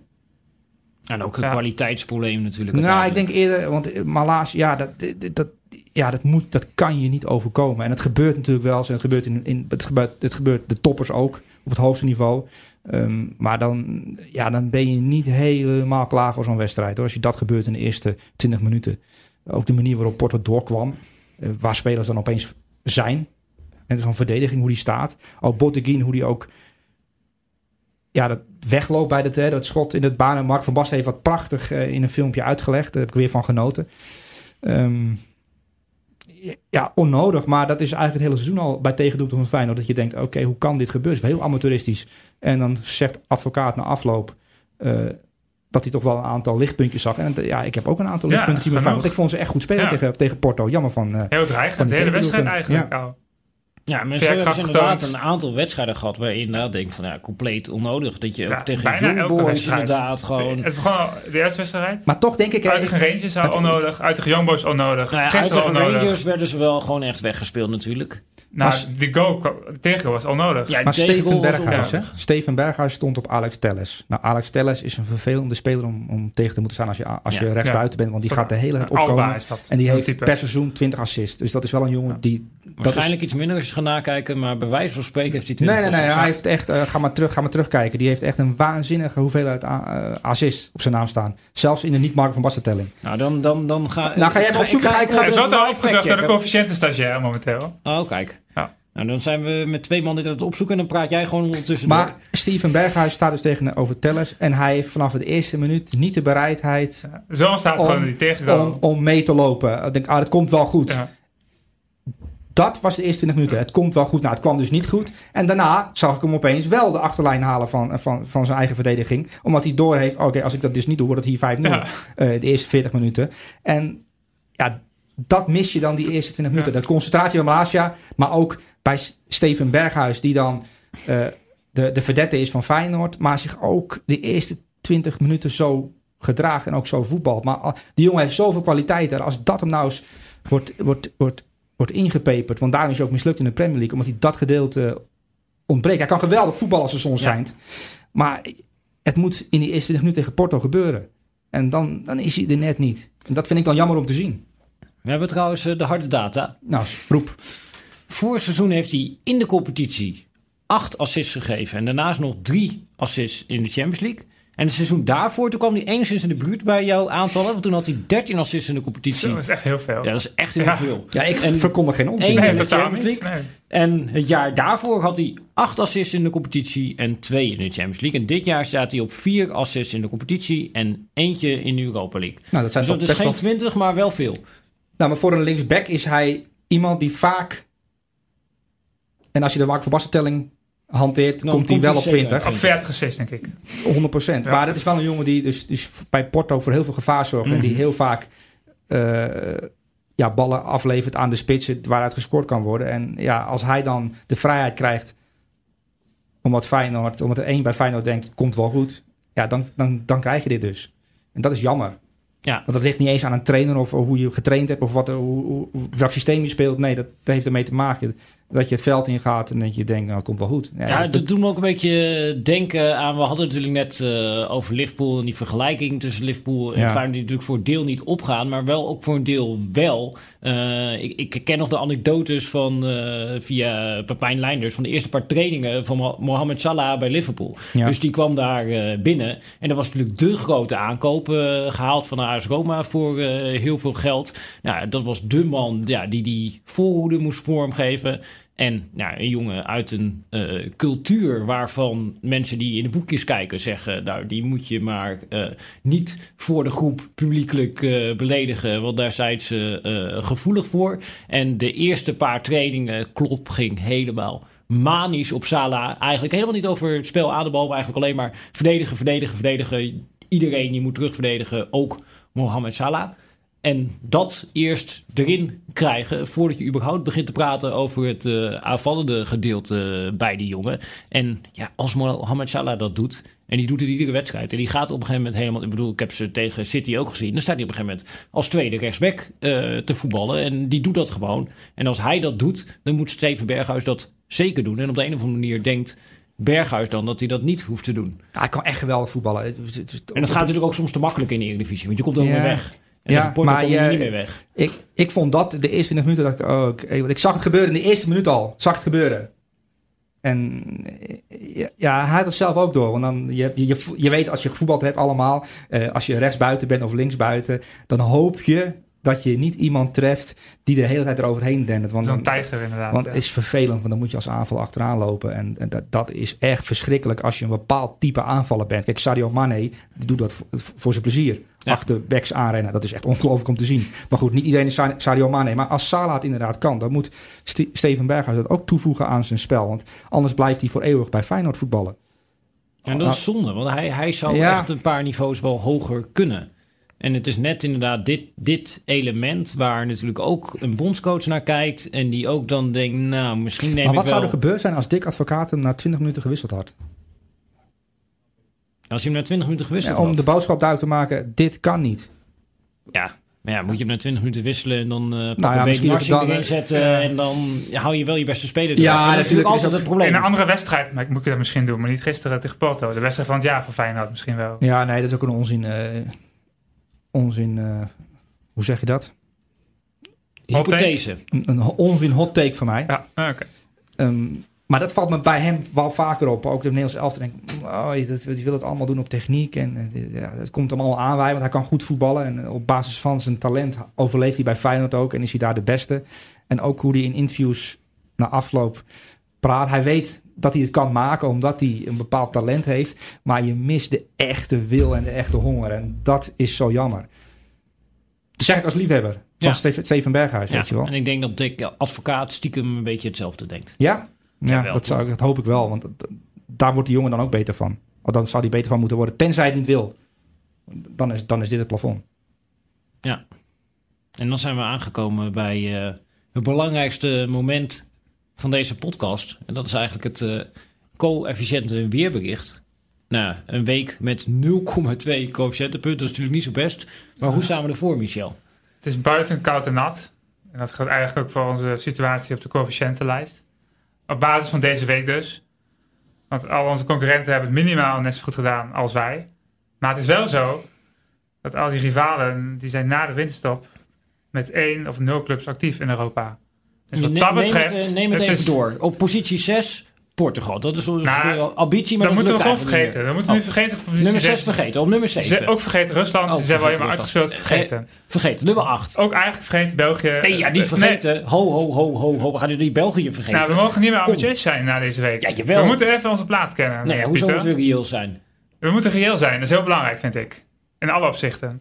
Oké. België moeten we dus vergeten. Nee, hoezo vergeten? België, hoeveel teams hebben die er nog in dan? Twee. Ja, twee. We hebben er toch ook twee? Maar de achterstand is 2,4 Wie, punten. wie zitten er nog dat in zijn dan zes zegers. Wie zit er dan nog in? Ja, dat is, ah, Gent zit er nog in. Die is hartstikke goed. Die zijn geplaatst bij de loting. AA Gent. Zijn we nu bang voor AA Gent?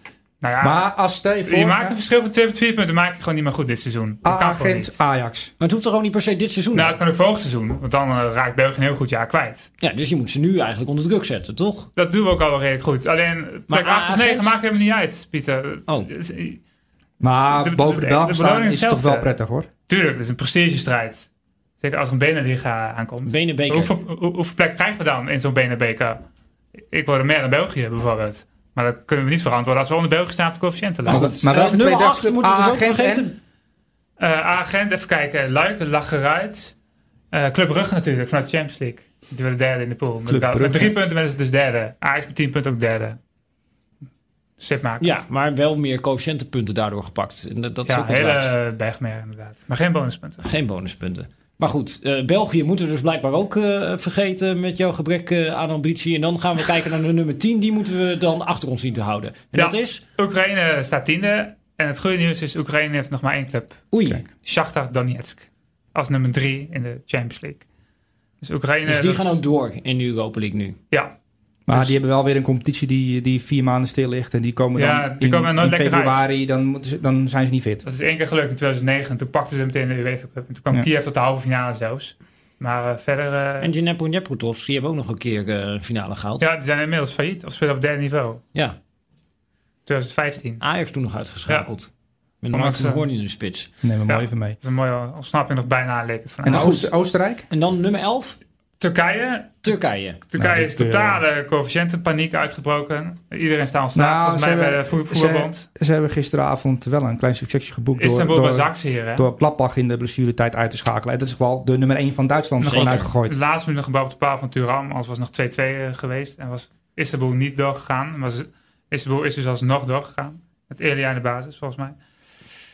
Maar Turkije is niet echt een concurrent, vind ik. Want wij hebben nu Want? 2,3 2,3 punten meer dan Turkije. Dat is dus de- het gaat dus om de belangrijke elfde plek. Daar staat Turkije op, wij staan Ja. negende. We hebben twee punten meer. Dus dat, dat is ongeveer zes zegens verschil.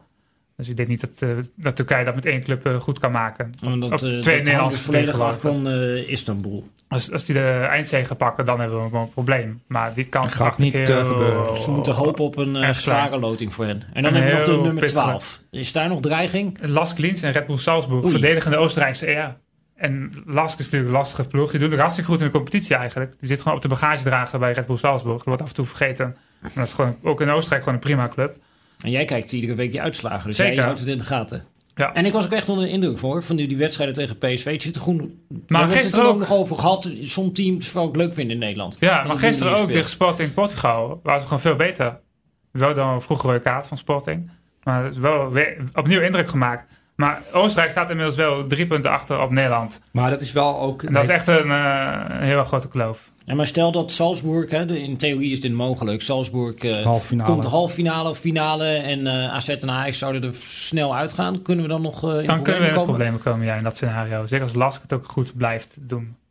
Maar ik zie dat niet zo snel gebeuren. En, Ja, eh, en is er nog een een, achterland waar we bang voor Nee. moeten zijn vanaf plek 13? Nee, of is dat nee, eh, daar komen we echt in de coëfficiënten middenmoot. Denemarken, Tsjechië, Cyprus, Schotland, Griekenland, Servië, Kroatië, Zwitserland, et cetera. En die, daar zijn ook de meeste teams ook al van uit waarschijnlijk. Bijna allemaal. Het gaat echt om de top 6. Die zijn bijna met alle teams nog in de race. En dan is Rusland, die zijn allemaal uitgeschakeld. En dan begint echt een beetje het coëfficiënten vage vuur eigenlijk. Ja, en behalve de coëfficiëntenranglijst heb jij nog één grote hobby. En dat is lotingen. En maandag is geloof ik de loting van de Europa League. Eerste Champions League om 12 uur. Ja, maar doen we niet meer mee. Dus We krijgen dat, misschien eh, heel grote krakers. Dus ik zou zeker op tijd inschakelen. Op, eh, op, op, op, op eh, VI.nl. Ik weet Ja, niet, ik, volg het in de VI Live. Ik weet niet op welke zender dat wordt uitgezonden, maar het- wij gaan sowieso volgen op eh vi.nl of vanaf eh, s ochtends heel vroeg. Ja, gewoon tijdens de lunch even de app erbij. Dat komt helemaal goed. En dan Eh, weet je wat de krakers zijn in de Champions League. En dan om... Misschien ga jij met Red Juventus. Dat zou echt mooi zijn in de Champions League trouwens. Ronaldo weer terug. Ja, Ik Zidane bijna invullen. Ik zie, dan maar, ik zie hem aankomen, dat affiche. Real Madrid Juventus. Nou, da- da- daar kijken we dan naar uit. En dan komt die loting voor de Europa League. Dat is qua coëfficiëntenranglijst natuurlijk heel belangrijk. Ja, 1 uur. Ik weet bijna zeker op Fox, eh, uitzending, en op vi.nl via een live, uiteraard. Eh, Ajax verdwijnt in pot 1. Want Ajax was de sterkste nummer 3 van de Champions we League. hebben gewoon twee potten ook hier. Het is eigenlijk heel simpel. Je hebt twee potten. De EL-poolwinnaar zit in pot 1, aangevuld met de vier beste nummers 3 uit de Champions League, waaronder Ajax. En in pot Mhm. 2 zitten de nummer 2's in de Europa League groepen en de vier slechtste nummers 3. Ja, daar zit dan Club Brugge bij. Hebben we En gehoord. Leverkusen. Dus Ajax zou tegen Peter Bos kunnen loten. Ja, en die gaf deze week al aan dat hij hoopte dat het niet zo snel ging gebeuren. In de finale zou leuk zijn. Lijkt me. Ja, en wat, wat zijn die andere twee teams die eh, vanuit de Champions League Ajax nog kan tegenkomen? Eh, even kijken. Club Brugge uiteraard. Want eh, die Ja, hebben drie punten gepakt. Olympiakos Piraeus. Die, ze zijn net door ten koste van Rode Ster Belgrado in de onderling duel. Een penalty van El Arabi. En AS Roma zit ook in pot 2. Maar die komen uit de Europa League. Het gaat om Shakhtar Donetsk. Die zijn ook uit de Champions League actief. Ah, ja. Dus dat is meteen, meteen een coëfficiënt een eh, rivaal. Oekraïne, die kunnen dan meteen een beetje een loer gaan draaien. Ja. Dat zou wel goed zijn. Oké, dus dat, zijn treffen? teams die- waar, waar Ajax eigenlijk een beetje langs heen moet werken. Tenzij je inderdaad denkt, eh Shakhtar dat eh, moet kunnen. Nou, in de 16e finale dat vind ik nog een beetje vroeg. Ik hoop eigenlijk op Kloei of zo. Dat zou goed zijn. Of eh Apel Nicosia, daar hebben ze goede ervaringen mee. Zeker de thuiswedstrijd ging goed. En noem de favorieten op voor de Europa League. Nou, dat is eh, ja, eh, vanuit pot 1 inderdaad. Maar dat zijn ook de tegenstanders van AZ, AZ, potentieel. ja, klopt. Want die, die kunnen die nog iets Ze kunnen niet waar- tegen waar- Ajax loten, dat is wel belangrijk. Ja, oké. Dat kan pas vanaf de kwartfinale volgens mij. Maar waarvoor moet ik land. duimen als ik als, ik AZ als AZ-fan voor de bank zit? Ik wil dit voetbal op donderdagavond kunnen blijven kijken. Tegen wie moeten ze spelen? Eh, dan ga je dus uit van een zwakkere tegenstander. Zeker. De zwakste denk ik Malmö FF. Malmö FF. Nou, die hebben een heel zwakke pool hebben die gehad met Dynamo Kiev, Lugano en zo. Die zitten dan waarschijnlijk ook nog in een winterbreak. Ja, inderdaad. Hebben een zomercompetitie in Zweden. Dus ik denk dat Malmö zou verreweg de beste tegenstander eh, zijn. Eh, anders, ja, andere optie is eh, internationale. Dat lijkt me minder goed. Dat dacht je in 1982 ook al niet zo goed. AZ tegen Inter, zoals jullie Zeker weten. In Europa 2. Zoals we allemaal weten. Ja. Eh, Arsenal zou ook kunnen. Die kennen elkaar nog goed. Arsenal. AZ van 2009, 2010. Dat seizoen. Toen ze in de Champions League uitkwamen AZ. Ja. Eh Las Glien zou natuurlijk kunnen. Hè? Eh, Manchester United kan dat weer niet, want die hebben zo in de poolfase getroffen. FC Porto is een optie. Red Bull Salzburg, Sevilla als Europa League specialist. Braga zou op zich wel aantrekkelijk zijn, denk ik. Dan kun je echt meten met een Portugese subtopper. ja. Maar Braga heb ik gisteren gezien tegen Slovan Bratislava. En die waren best wel indrukwekkend ook. Oh, Ja, jij ik- was de kijker daar, die wedstrijd. Nou, Oké. ik vrees toch wel een Ik, ik beetje... doe gewoon uitwerksel liever dat Ja, ik aanschuif. ik, ik vrees dan toch dat we een beetje toch gaan krijgen waar, waar we nu ook iedere keer over gehad hebben. Dat lijkt me toch wel van, ja, je speelt dan thuis tegen het Portugese team en dat gaat dan nog wel oké. en dan speel je uit en dan denk je, nou eigenlijk eh, was misschien zo heel slecht en dan ga je er toch op de een of andere manier kansloos vanaf. En ze beginnen met een eh, thuiswedstrijd, volgens mij. AZ.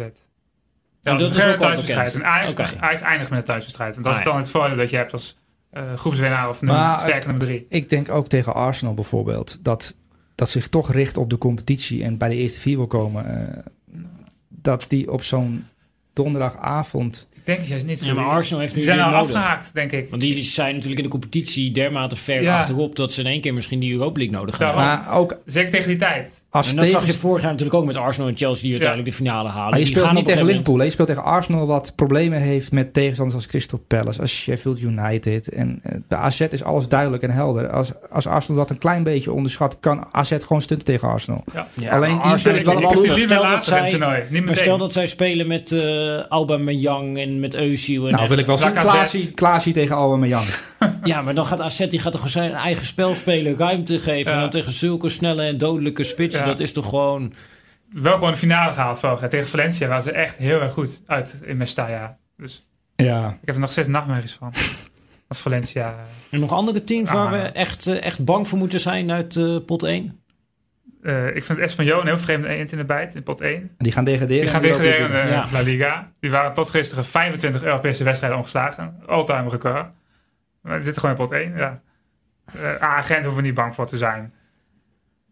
Eh, Celtic zit er trouwens tussen Benfica. Oh, dat is wel een leuke tussen- tegenstander, Celtic. Ja. Celtic zou wel leuk zijn, ja. Dat heb ik een heel zwakke pool gehad. Nou, dan gaan we voor eh, AZ, voor Celtic. En dan hebben we voor Ajax al een ideale tegenstander nu uiteindelijk eh, benoemd. Ik vind Apple Nicosia wel leuk. Appel Nicosia. Ja. Nou, Ik- Celtic ik- en Appel Nicosia. Ik ben een beetje bang voor Getafe. Kunnen ze de Dat is echt een Basak hier eh, eh, loten? Basax hier, eh, die zitten in pot 1. Oh. Oh, dus dat kan AZ ook. AZ tegen uh, El Giro Elia zou leuk zijn. Nou, Nou ja, dingen om naar uit te kijken. Sowieso. En dan, eh, wanneer, zitten we hier weer? Dat wordt dan februari of zo. Wanneer eh, ik- gebeurt dit? 28 februari bij Leven en Welzijn. De dag van Schrikkeldag. ik denk dat eh, heel Nederland er naar gaat uitkijken. Ja, de dagen aftellen. Naar die, naar podcast. Ja. Ja. Hoe lang, hoe gaan lang het echt missen de komende maanden. Dat weet ik zeker. Maar ik heb enorme honger. Coëfficiënten afkicken wordt het. Ja, ik heb ook honger. Dus ik denk dat we deze podcast maar eens eh, moeten gaan eh, beëindigen. Ja, we zitten ook diep in de blessuretijd. Dus het lijkt Ja. me goed, eh, goed streven om nu te stoppen. Ja. Nou, en dan hopen we dat we de volgende keer wat eh, minder malaise hebben. En wat meer polonaise. Maar het kan in theorie dus dat AZ en Ajax. oh nee, laatste.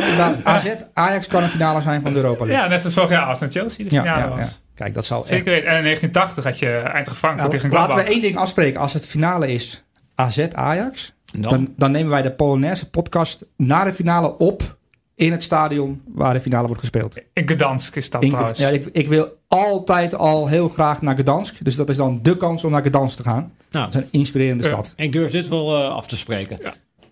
Oh, Oké, staat genoteerd. Ja, Mooi. heel goed. Ik ga vast de vakantie naar daar Gdansk. aanvragen. Nou ja, op naar Gdansk. Yes. Ik ga vast. En zingen we weer allemaal in koor.